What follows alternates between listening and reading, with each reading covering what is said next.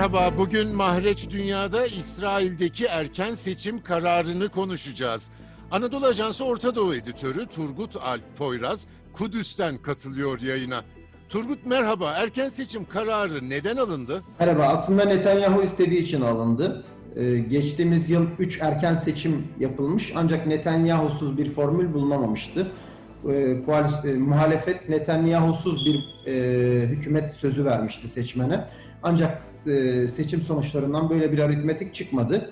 Netanyahu'ya en yakın oy alan e, Mavi Beyaz İttifakı'nın lideri Benny Gantz ile Netanyahu bir e, koalisyon yapmıştı.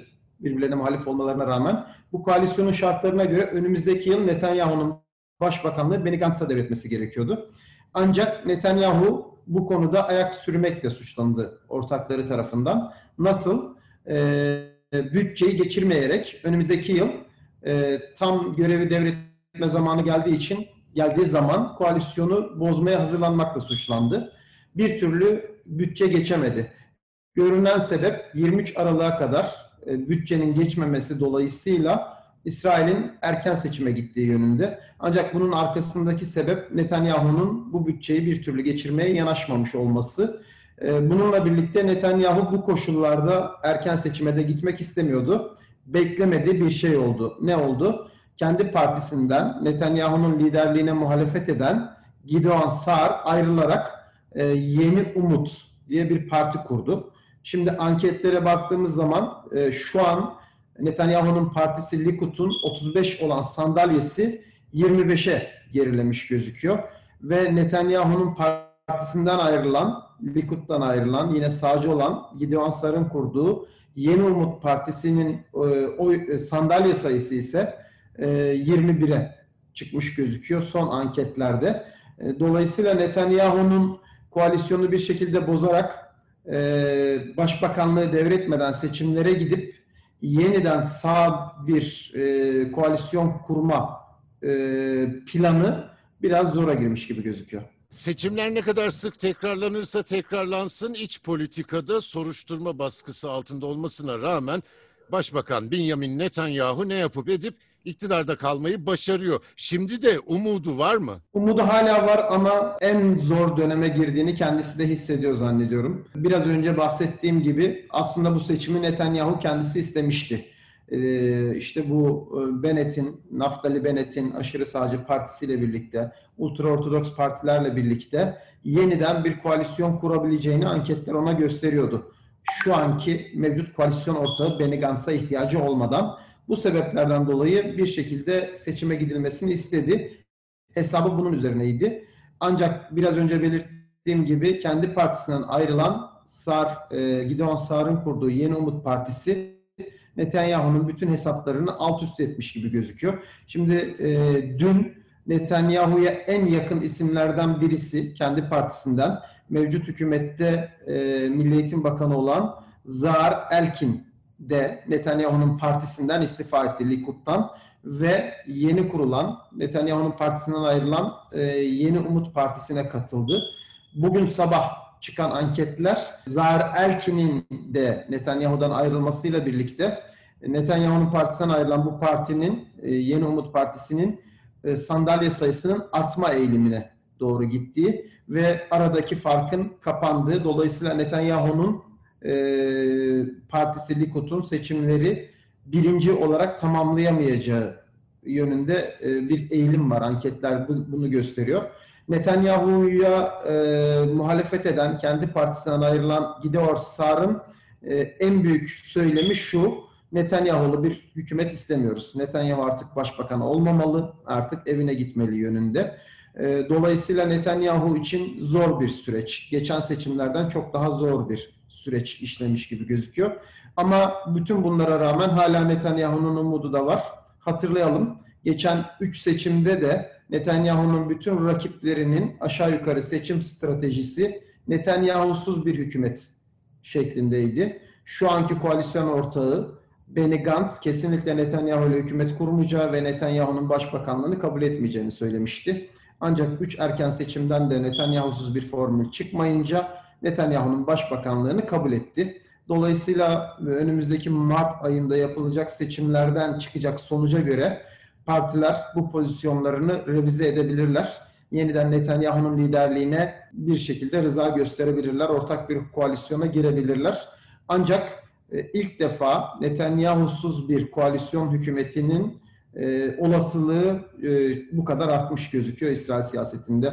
Netanyahu'nun önü biraz e, belirsiz anlaşılıyor ama onun e, küresel sahnedeki en büyük müttefiki diyebileceğim Amerika Başkanı Trump da gidiyor. Trump sayesinde Kudüs'ün başkent olduğu iddiasına destek buldu İsrail. Trump'tan sonra bu fiili durum değişecek mi, değişmeyecek mi? Nasıl tartışmalar var orada? Amerika Birleşik Devletleri'nin Kudüs'e taşıdığı büyükelçiliğin Tel Aviv'e yeniden dönmesi mümkün gözükmüyor. Bu karar alındı ve Amerika Amerika'nın resmi devlet politikası haline gelmiş durumda. Yeni gelen başkan e, Joe Biden'ın veya ondan sonra gelecek başkanların bu konuda geri, geri adım atması mümkün gözükmüyor. Ancak bununla birlikte Filistinler açısından olumlu bir alternatif var ve bu konuşuluyor. O da ne? E, şimdi hatırlayalım 1967 yılında işgal etmişti Doğu Kudüs'ü İsrail. 1980 yılında da meclisten bir karar geçirerek doğusuyla batısıyla birleşik başkenti ilan etmişti. Amerika Birleşik Devletleri e, büyükelçiliğini taşıdı buraya ama Doğu Kudüs doğusuyla batısıyla burası İsrail'in başkentidir diye net bir ifade kullanmadı. Şimdi yeni gelen başkandan Filistinlerin beklentileri şu yönde. Doğu Kudüs'te Filistinlilere hizmet verecek bir konsolosluğun açılması. Eğer Amerika Birleşik Devletleri'nin yeni başkanı Joe Biden bunu yaparsa e, İsrail'in e, Doğu Kudüs'ün de kendisine ait olduğu iddiasının altını biraz oymuş olacak. Bu yönde bir beklenti var. Hani Kudüs'ün statüsü üzerine demokratların söylemleri de seçim dönemindeki konuşmaları da e, Filistinlerin bu beklentilerini destekliyor. Sadece bu da değil. E, Filistinliler hani Trump'ı gelmiş kendileri açısından gelmiş geçmiş en kötü Amerikan başkanı olarak tanımlıyorlardı. Bunda da pek haksız sayılmazlardı. Kudüs'e Amerikan Büyükelçiliğinin taşınmasından tutunuz da e, Washington'daki Filistin Kurtuluş Örgütü'nün e, misyonunun e, kapatılmasına, ofisinin kapatılmasına kadar, Suriye toprağı olan Golan'ın İsrail toprağı olarak tanınmasına kadar Filistinlere yapılan bütün yardımların e, Birleşmiş Milletler Mülteciler Ajansı üzerinden gönderilen o bütün mali yardımların kesilmesine kadar İsrail lehine tek taraflı Filistinlerin aleyhine birçok adım attı Trump. Şimdi bu adımlarından bir şekilde geriye dönülmesini ümit ediyor Filistinliler. Trump'ın hiç dillendirmediği o iki devletli çözümün yeniden gündeme getirilmesini ümit ediyor. E, bu adımlar pratik olarak ne Filistinlerin beklediği Joe Biden'da? Birincisi e, Washington'da yeniden Filistin Kurtuluş Örgütü'nün ofisinin açılması. Biraz önce söylediğim gibi Doğu Kudüs'e Filistinlilere hizmet edecek olan İsrail nezdinde olmayan bir konsolosluğun açılması. Filistinlere yapılan mali yardımların yeniden serbest bırakılması, dondurulmuştu onlar yani mali yardımların yeniden gündeme getirilmesi. En önemlisi de tabii 20 Ocak'ta Trump ofisten ayrılırken bu asrın planı olarak adlandırdığı kendisinin ve geriye kalan Batı Şeria'daki Filistin topraklarının önemli bir kısmının İsrail'e ilhak edilmesi olan planını da kendisiyle birlikte alıp götürmesi. Ee, Joe Biden ve demokratlar bu plana karşı olduklarını birçok kez söylemişlerdi. Dolayısıyla Trump'ın gitmesinden ve Biden'ın gelmesinden epey bir beklentisi var Filistinlilerin. E, bu seçim bağlamında Netanyahu için de aslında Trump'ın gidiyor olması kötü bir haber. E, Netanyahu ne zaman siyasi olarak sıkışsa, ne zaman yolsuzluk davalarıyla bunalacak olsa Trump bir adım atarak yardımına koşmuştu. Şu anda Beyaz Saray'da e, bu 20 Ocak'tan sonra e, bu şekilde Netanyahu'nun yardımına koşacak bir isim en azından beklenmiyor. Orada olmayacak. E, dolayısıyla e, seçimlerde de Netanyahu'nun elini zayıflatan bir unsur gibi duruyor bu. Turgut, şimdi İsrail'in uluslararası arenadaki görünüşü açısından Trump'tan aldığı bir başka destek de o asrın planı sayesinde galiba çeşitli Arap ülkelerinin İsrail'i tanıma yolunda adımlar atması. Bu süreçle ilgili neler söyleyeceksin? Amerika Birleşik Devletleri'nin yeni başkanı olacak. Müstakbel Başkan Joe Biden da aslında bu normalleşmeye karşı olmadığını söyledi. Ee, ancak e, Trump döneminde e, diğer ülkelere büyük baskı uygulanmıştı İsrail'le normalleşmeyi sağlamalar için. E, bu normalleşme e, yapan ülkeleri de birkaç kategoriye ayırmak lazım aslında. E, Birleşik Arap Emirlikleri gibi e, İsrail'den bile daha İsrailci politikalar izleyen bir ülke var. E, bunu buradaki Filistinli ya da İsrailli gazeteciler, uzmanlar da anlamakta. Buna mantıklı bir açıklama geç, geç, e, getirmekte zorlanıyor açıkçası. Ben dün birkaç kişiye bu konuyu yeniden sordum. Bir Filistinli gazeteci şunu söyledi. Dedi ki hani e, ironik bir şey söyledi aslında. Yani gizli Yahudi olmalarının dışında aklıma bir alternatif gelmiyor dedi. Yani mantıklı bir açıklaması yok gibi.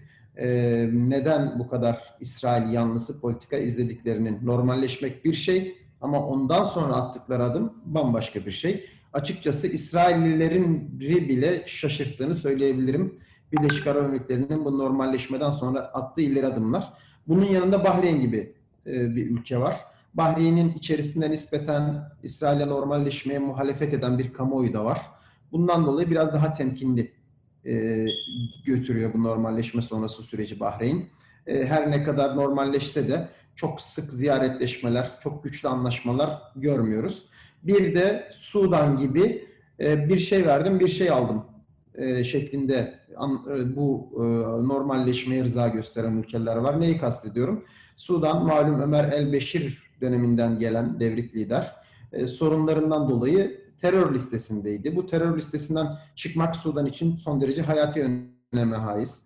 E, bir, e, Uluslararası Para Fonu IMF'den, Dünya Bankası'ndan vesaire kredi alabilmesi için, ekonomisinde bazı e, adımlar atabilmesi için terör listesinden çıkması gerekiyordu. Amerika Birleşik Devletleri, daha doğrusu Trump liderliği Sudan'a şunu söyledi. Ben seni bu Trump bu listeden çıkarırım ama sen Amerika Birleşik e, İsrail'le normalleş. Sudan buna rıza göstermiş gibi gözüküyor.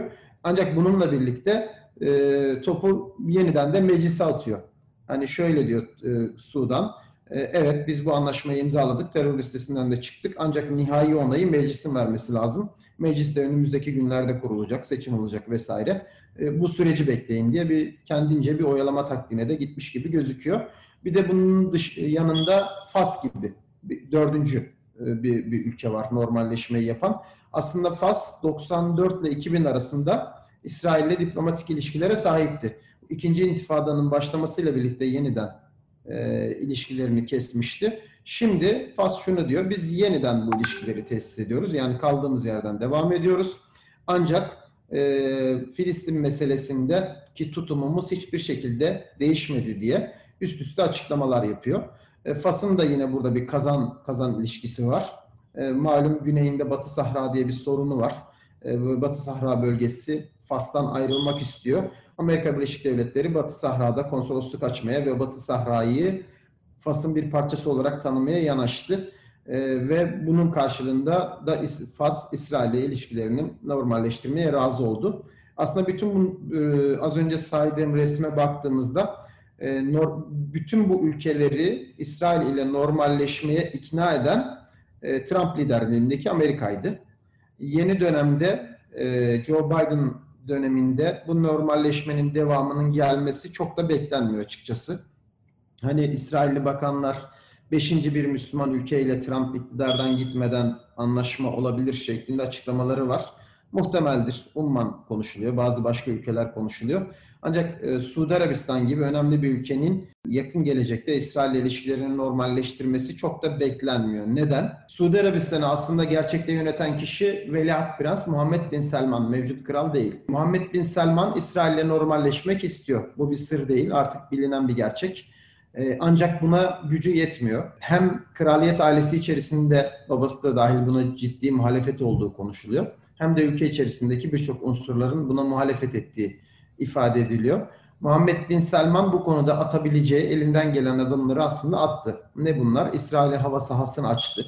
Buna benzer bazı e, anlaşmalar yaptı. Ancak bundan ötesini yapmaya şu an için gücü yetmiyormuş gibi gözüküyor. Ve aslında e, Muhammed Bin Selman'ın İsrail ile heve, e, normalleşmeye bu kadar hevesli olmasının sebebi de şuydu. E, Trump yönetiminin ona verdiği bazı sözler olduğu belirtiliyor, ifade ediliyordu. E, Trump'ın hem Orta Doğu danışmanı hem de damadı olan Jared Kushner ile arası çok iyiydi. E, Muhammed Bin Selman Kaşıkçı cinayetin gibi e, sebeplerden dolayı çok yıprandı malum. hedefteydi ama bütün bunlara rağmen e, Washington'un desteğini e, ona sağlama sözü verdiği konuşuluyordu Jared Kushner'in. Yani sen İsrail'le normalleşirsen e, babandan sonra kral olmak için Amerika'nın desteğini ben sana sağlayacağım şeklinde bir söz verdiği konuşuluyordu Jared Kushner'in. Ancak 20 Ocak'tan sonra Trump'la birlikte Jared Kushner de Beyaz Saray'da olmayacak. Dolayısıyla Amerika Birleşik Devletleri tarafından Muhammed Bin Selman'a verildiği ifade edilen bu sözü tutacak kimse de olmayacak Beyaz Saray'da. Bütün hem ülke içerisindeki muhalefet hem Trump'ın iktidardan gidiyor oluşunu göz önünde bulundurursak en azından e, kısa ve orta vadede Suudi Arabistan'ın İsrail ile ilişkilerini normalleştirmesi beklenmiyor diyebilirim. Bu jeopolitik ufuk turu için Kudüs'ten Turgut Alp Poyraz'a teşekkür ediyorum.